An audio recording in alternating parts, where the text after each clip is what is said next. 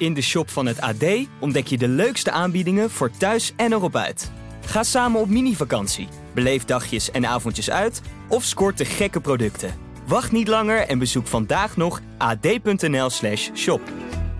Uit de camerabeelden blijkt dat Tristan van der Vee om 9 minuten over 12 het winkelcentrum binnenkomt. Ook is te zien dat hij zijn gang om 11 minuten over 12 beëindigt. Uit deze reconstructie is op te maken dat de hele gang buiten en in het winkelcentrum iets meer dan 3 minuten heeft geduurd.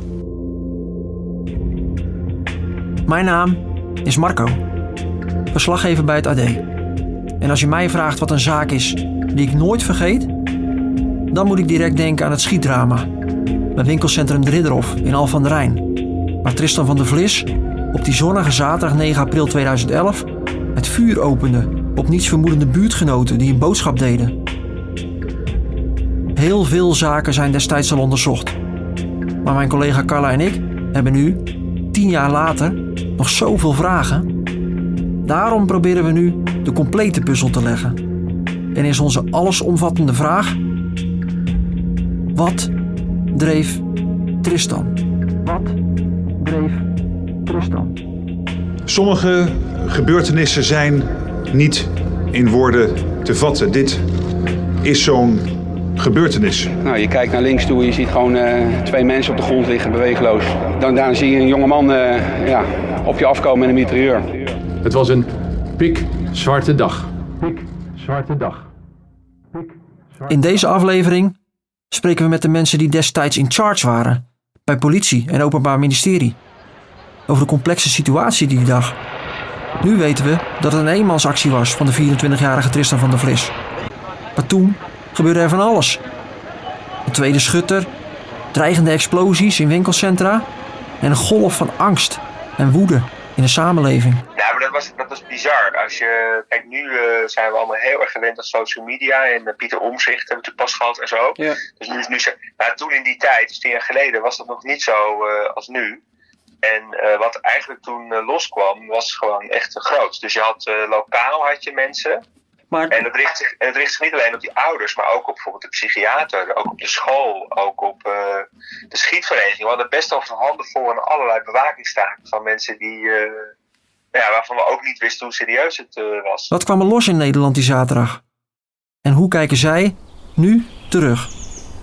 Maar eerst gaan we terug naar die zonnige zaterdag in april 2011. Het leek zo'n mooie dag. Dat weet iedereen nog. Lekker op de fiets naar het voetbalveld, boodschappen doen en ook op de radio was de sfeer vrolijk op Alphenstad FM. Het raam doen we even open, ja. ja, ja oh, je hoort het alweer. Hè. Het is weer een en al gezelligheid in Alphen aan het Rijn in het centrum. Op deze zaterdag weer een zonovergoten zaterdag hoor. Ja, en de draaiorgel draait alweer zijn klanken via de winkelstraten in Alphen. En de gezelligheid is ook op de radio te beluisteren. Het programma Holland zit tot de klok van 2 hier bij Alphenstad FM. Goedemiddag, het is weer lente. Jawel, nieuwe aflevering van het programma zonnige zaterdag 9 april 2011. En we gaan veel leuke dingen doen. Dag dames en heren, het is drie minuten over half één. U luistert naar een extra nieuwsuitzending op Alphenstad FM. Vanwege een schietpartij die heeft plaatsgevonden ongeveer een kwartier geleden in winkelcentrum De Ridderhof in Alphen aan de Rijn. Ikzelf kwam dus vanuit Woerden. Later. Maar mijn collega Carla, zij was er al. Dat hoorde je de vorige aflevering. Had zij enig idee van de omvang van het drama? We gingen terug naar de Ridderhof om te kijken wat in onze herinnering zit. En dat is best lastig, want het is ook voor ons tien jaar geleden. En we zaten toen in zo'n werkmodus. Amper gegeten, geen tijd om te beseffen hoe groot het allemaal was. Ik vraag me af hoe ik nou precies gehoord heb hoe groot die schietpartij eigenlijk was. Ik weet dat Dirk op een gegeven moment heeft gebeld. Ook als chef. Ja, en die zei het is wel groot. Het is niet, uh, het is niet zoiets als, als, als, als die afrekening die er eerder was. Nee, die was een week daarvoor. Toen werden er twee, drie mannen in een auto. Die zijn toen van Al van der Rijn naar Gouda gereisd in het ziekenhuis. Dat was al een hele grote zaak voor Alfa. Dat was een drugsafrekening. En toen zijn twee van die mannen geloof ik overleden, zeg ik uit mijn hoofd. Ja.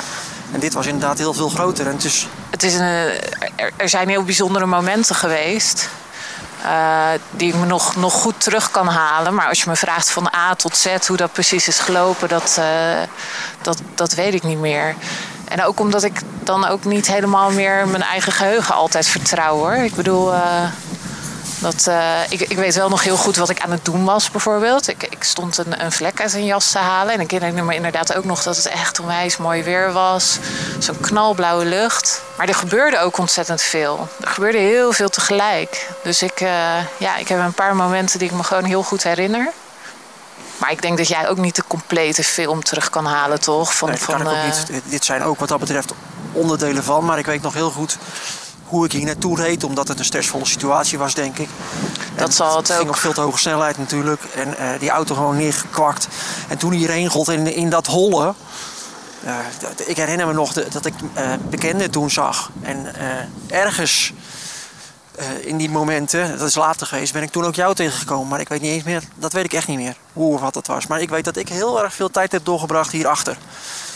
Uh, in de straat hierachter. Uh, zeg maar de straat waar ook het, uh, het monument staat. Dat was wel de plek waar ik alle mensen tegenkwam die hun verhaal wilden doen. En waar ik, waar ik ook agenten tegenkwam. foto's die ik herinner van het ANP bijvoorbeeld. agenten die daar op de foto staan, die agenten kwam ik ook tegen. En een van die agenten, omdat ik hem daar toen gezien heb, en me daar herinneren, hebben toen een paar dagen Al die namen van winkeliers en slachtoffers herinner ik me nog goed. Hoe is het met hen tien jaar later? Met een reconstructiekaartje op mijn telefoon lopen Carla en ik de exacte route die Tristan die zaterdag om 8 over 12 middags begon. En beginnen we bij de trap die Tristan ook nam, die naar de zijdeur leidt. Maar deze trap is echt al, nou, dat, dat is echt ja, zo'n achtertrap, een beetje een viezige trap. Het ziet er niet uit. En nee, hier nee. Uh, op een enkele tientallen meters vandaan uh, had hij dus zijn auto geparkeerd. De Mercedes die hij gehad had van zijn vader. Uh, is hij uitgestapt, heeft hij zijn pistolen gepakt en is hij gelijk om zich heen gaan schieten. En het eerste slachtoffer, Nadim Youssef, lag hier op de grond. Het lichaam van de Syrische man lag buiten. Was in zicht van de familie, notabene. Ja, die konden vanaf hun flat, voor zover ik me herinner, konden ze hun vader zien liggen. We gaan nu de trap op. De smoezelige, vieze trap, die al jaren en jaren zo is.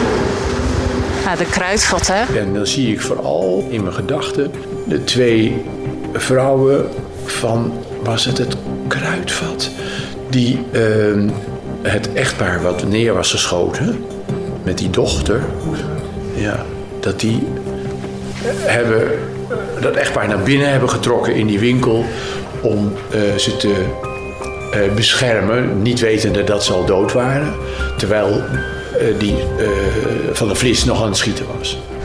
Ik, ja, dit, dit is het magazijn waar ze hebben geschuild. Zijn ze ingetrokken ook. Ja. Ruikt hij naar vis als je binnenkomt? Maar ik vind het zo, het, er is best wel wat veranderd. Hè? Er zijn nieuwe winkels gekomen en zo. En toch is het nog precies eigenlijk de, de plek van mijn jeugd. Uh, ik denk dat dat voor iedereen in Alphen wel geldt. Het is ook al, al zo lang een strijd om te overleven hier. Hè? Ja, dat zie je ook. Want er zijn heel veel winkelpanden leeg. Ja, met het, uh, hoe de Ridderhof was. En, en toen ik daar kwam werken bij Margriet en ja, dat was een bruisende, bruisende winkelcentrum. Echt gewoon. Maar dat is het niet meer. Ja, de bakker, die is ook al sinds jaar en dag is dat dezelfde bakker. De uh, groenteman. Dat weet jij veel beter. Jij is sinds jaar en dag hetzelfde pingwing. Dat is ook uh, dat is een wolwinkeltje met allerlei uh, breisels. Dat zit er ook al uh, zo lang als ik me kan herinneren eigenlijk.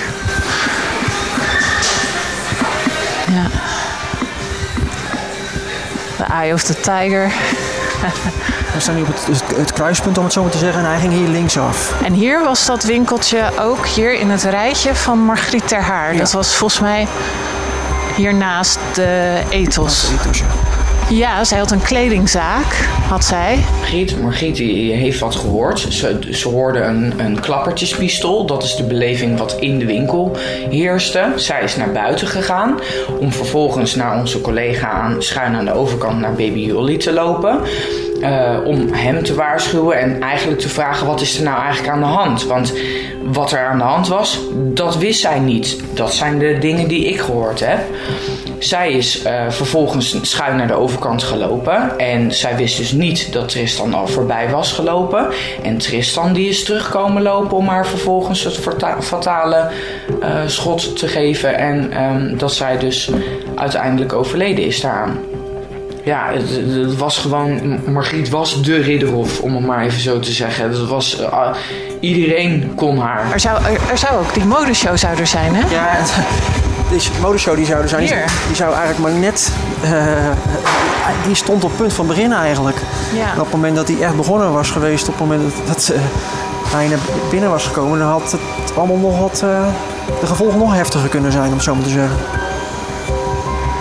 Hij was net voor die modeshow. Ja, ze waren zich klaar aan het maken, ja. ja.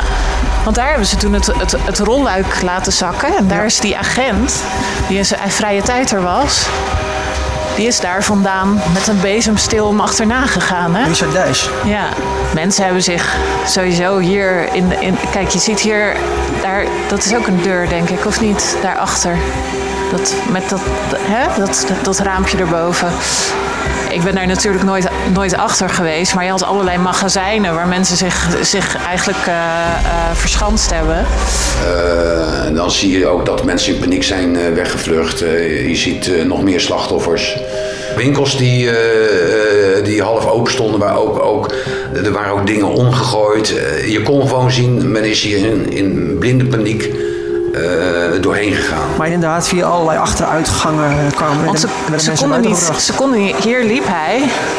En als we nu doorlopen, dan kom je bij die kassa's waar hij uiteindelijk zichzelf door het hoofd heeft geschoten. Hè? Met zijn derde pistool. Hij had twee wapens leeggeschoten met uh, 130 schoten ongeveer. Ja, nee, hij was totaal van de wereld. Had geen idee wat er gebeurde, maar kennelijk wel zo helder nog dat hij bedacht dat hij aan het eind van de rit zichzelf om het leven moest brengen. Wat gaat er dan in je hoofd om als je dan een winkelcentrum ingaat en aan het eind van de rit sta je bij Albert Heijn en dan schiet je jezelf dood?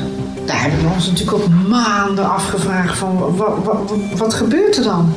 En bij de Albert Heijn, bij de supermarkt, daar, uh, uh, nou, daar zag ik ook van de vlees liggen. Inderdaad. Het is zo, ik vind het zo, omdat je, je ziet dat het leven zo doorgaat. Hè? Je ziet daar zie je een, een klein meisje lopen die hier opgroeit. En uh, uh, je ziet die jongens staan. En dan is er iemand die, die zo in de war raakt. Die zo de weg kwijtraakt. Dat hij, dat hij dit doet. Dat, ik vind het echt onvoorstelbaar. Maar eigenlijk heb ik maar één woord. Het is on, gewoon het woord ongelooflijk. Hoe, hoe kan iemand dit doen? Is nog gewoon de Albert Heijn zoals die er toen ook zat. En um, het kassameisje dat uh, eigenlijk aan het werk was naast de plek waar hij zichzelf van het leven beroofde, ging de volgende dag of de dag daarna weer gewoon aan het werk. Alsof er niets aan de hand is. Maar die heeft later toch wel een, uh, een terugslag gekregen, begrepen wij. En dat is ook hartstikke logisch natuurlijk, wat een enorme impact zoiets heeft. Ik ben gaan zoeken en AH-medewerkster Lindy wilde tien jaar later wel met me praten. Wat ze gezien heeft is schokkend. Maar omdat het zo gegaan is, en haar zo lang heeft bezig gehouden, wil ik het je wel laten horen. Ik heb vorig jaar was het eerste jaar dat ik um, zonder erbij na te denken op 9 april gewoon gedaan heb wat ik, wat ik aan het doen was op dat moment. Zonder na te denken over die dag. Maar dat is dus na negen jaar. Kortom, je hebt er wel vaak nog over nagedacht. Ja, zeker wel. Maar ik probeer gewoon om te zorgen dat het mijn leven niet laat beïnvloeden. Want ik heb ontzettend leuk werk. Knap, knap dat je dan knap dat je er zo mee om gaat. Want je hebt een hoop dingen gezien. Maar je hebt dus het moment zelf dat hij zichzelf van het leven berooft, om het zo maar te zeggen, heb je gelukkig niet gezien. Oh, ik stond ernaast met mijn achterhoofd naar hem toe, zeg maar. Dus ik zag hem vallen. En ik hoorde een klap, klap best hard. En uh, het leeglopen van, zijn, van, het, van die bloed uit zijn lichaam de laatste bewegingen, de laatste geluiden die hij heeft gemaakt, vooral die geluiden en die laatste bewegingen, die hebben me heel lang achtervolgd. Echt heel lang. Elke hoek die ik tegenkwam, zag ik zo'n voetje heen en weer bewegen. Het klinkt misschien heel goed hoor, maar zo'n voetje dat zijn voet bewoog. Goed. Als zijn het een bewegingen zeg maar. Wat een indrukwekkend verhaal. Dit zijn wonden die bij nabestaanden nooit volledig helen. Maar dus ook ooggetuigen worstelden jaren met trauma's. Terug naar het winkelcentrum. We konden daar nu rondstruinen, maar die 9 april konden we dat natuurlijk niet. Overal lagen slachtoffers. En het politieonderzoek werd ook nog eens ernstig vertraagd vanwege dat briefje in Tristans auto. Waarin hij schreef meerdere bommen te hebben geplaatst. Ja, op dit moment worden nog steeds op verschillende plekken hier in deze stad mensen geëvacueerd. Er zijn drie winkelcentra na half vijf leeggehaald. Maar ook huizen die om dat winkelcentrum heen zitten, worden nu dus geëvacueerd. Waarschijnlijk is dat op basis van een briefje dat gevonden zou zijn in de auto van de dader. Waarop vermeld stond dat in drie andere winkelcentra in Alphen aan de Rijn explosieven zouden liggen. En dat is de reden geweest dat wij die winkelcentra ogenblikkelijk na die mededeling hebben ontruimd. En dat onderzoek loopt nog steeds. En dan waren er ook nog ooggetuigen die menen te hebben gezien dat er nog een tweede schutter was gevlucht. Dat gerucht probeerden Krishna Tanea en Jacob van Horen, de districtchef en de plaatsvervangend korpschef, de kop in te drukken. Nadat ze dit nogmaals gecheckt hadden. Zo vertelde Van Horen ons. Ik heb uh, aan mensen die daar nog stonden, bij slachtoffers bijvoorbeeld of bij gewonden, gevraagd: heb je iets gezien, heb je niks gezien? Uh, als die mensen zeiden: ja, we hebben iets gezien, hoeveel daders waren er? En dat heeft hij bij een stuk of negen mensen of zo gedaan. Hij zegt, en die zeiden allemaal, er is maar één dader. Ik zeg, Krishna, dan besluiten we nu dat er één dader was. En dat gaan we dan nu ook bekendmaken. Dus toen hebben we via de mobielefoon en zo, er is één dader en die is dood. En daarmee kwam er grote rust in de hele hulpverleningssituatie. Dat op Twitter de wildste geruchten rondgingen was niet zo vreemd. Het was het opkomende communicatiekanaal van toen. Terwijl een uur na de schietpartij al de namen rondgingen van slachtoffers, wilden de instanties niets bevestigen. Zodra er meer bekend is, zal ik hier een volgend moment houden om informatie te geven. Op dit moment, herhaal ik nog eens, zijn er zes doden, waaronder de dader. Vier heel zwaar gewonden. Dat is wel iets waar men van geleerd heeft. Want zeker in zo'n dorpse sfeer is het natuurlijk al heel snel bekend wie de slachtoffers zijn en wie de dader was. Nou, ik denk dat, dat, volgens mij gaat dat nu ook anders. Dus dan, dan zeggen we tegen die nabestaanden van uh, we weten 80%, uh, maar dit is wel wat we je komen vertellen. Ik denk dat dat wat achteraf anders gaat. Je kan mensen niet twee dagen laten wachten op de bevestiging. Behalve het briefje in de auto werd er ook een afscheidsbrief gevonden bij Tristan thuis, door zijn moeder. Men hoopte daar een mogelijk motief uit te halen. Maar dat viel tegen. Ik heb u uh, verteld dat daarin geen motief is uh, uh, vermeld. Maar in deze brief verwees hij naar digitale andere informatie. de politie heeft twee bestanden bekeken in grote lijnen. U begrijpt dat wij ehm, die informatie natuurlijk tot achter de komma uitpluizen. Um, en ik kan daarover zeggen, um, en dat is natuurlijk wel heel triest voor de nabestaanden, uh, dat een duidelijk motief daar toch niet in te vinden is. En dat zegt veel, nu wij in deze podcast Tristan beter proberen te begrijpen. Een duidelijk motief was niet te vinden. Wij bezochten Kitty Nooy, toen hoofdofficier van justitie. Je hoorde haar zojuist. Waarom er geen duidelijk motief was, kon ze nu goed duiden. Er zaten oprecht allerlei demonen in zijn hoofd. We hebben toen zijn computer leeggehaald. Uh, ik weet wel dat ik daar zelf ook, hè, wat jij ook had, ik ook zoiets had van: Goeiedag, wat, wat, wat gebeurt er? Wat is er bij jou gebeurd? Het was wel heftig. En als je je dan ook probeert voor te stellen dat hij dat niet verzon, maar dat hij heeft ervaren dat hij echt contact had. Dus dat zijn natuurlijk wel heel heftige dingen. Nooy ziet de schietpartij als het meest heftige incident in haar carrière. We vragen haar dan ook om nog één keer te vertellen hoe zij die dag heeft ervaren. Ja, ik denk wel dat dit, dat weet ik eigenlijk wel zeker, de, de grootste en de meest ingrijpende crisis was uh, in mijn tijd als uh, officier justitie en zeker, zeker als hoofdofficier. Ja, het was, het was onvoorstelbaar ingrijpend. In de, op alle gebieden, maar dan ook echt op alles. Uh, vooral als het gaat om, uh, ik herinner me nog, toen ik, het was op die zaterdag en ik had onze zoon opgehaald in Leiden, die studeerde in Leiden.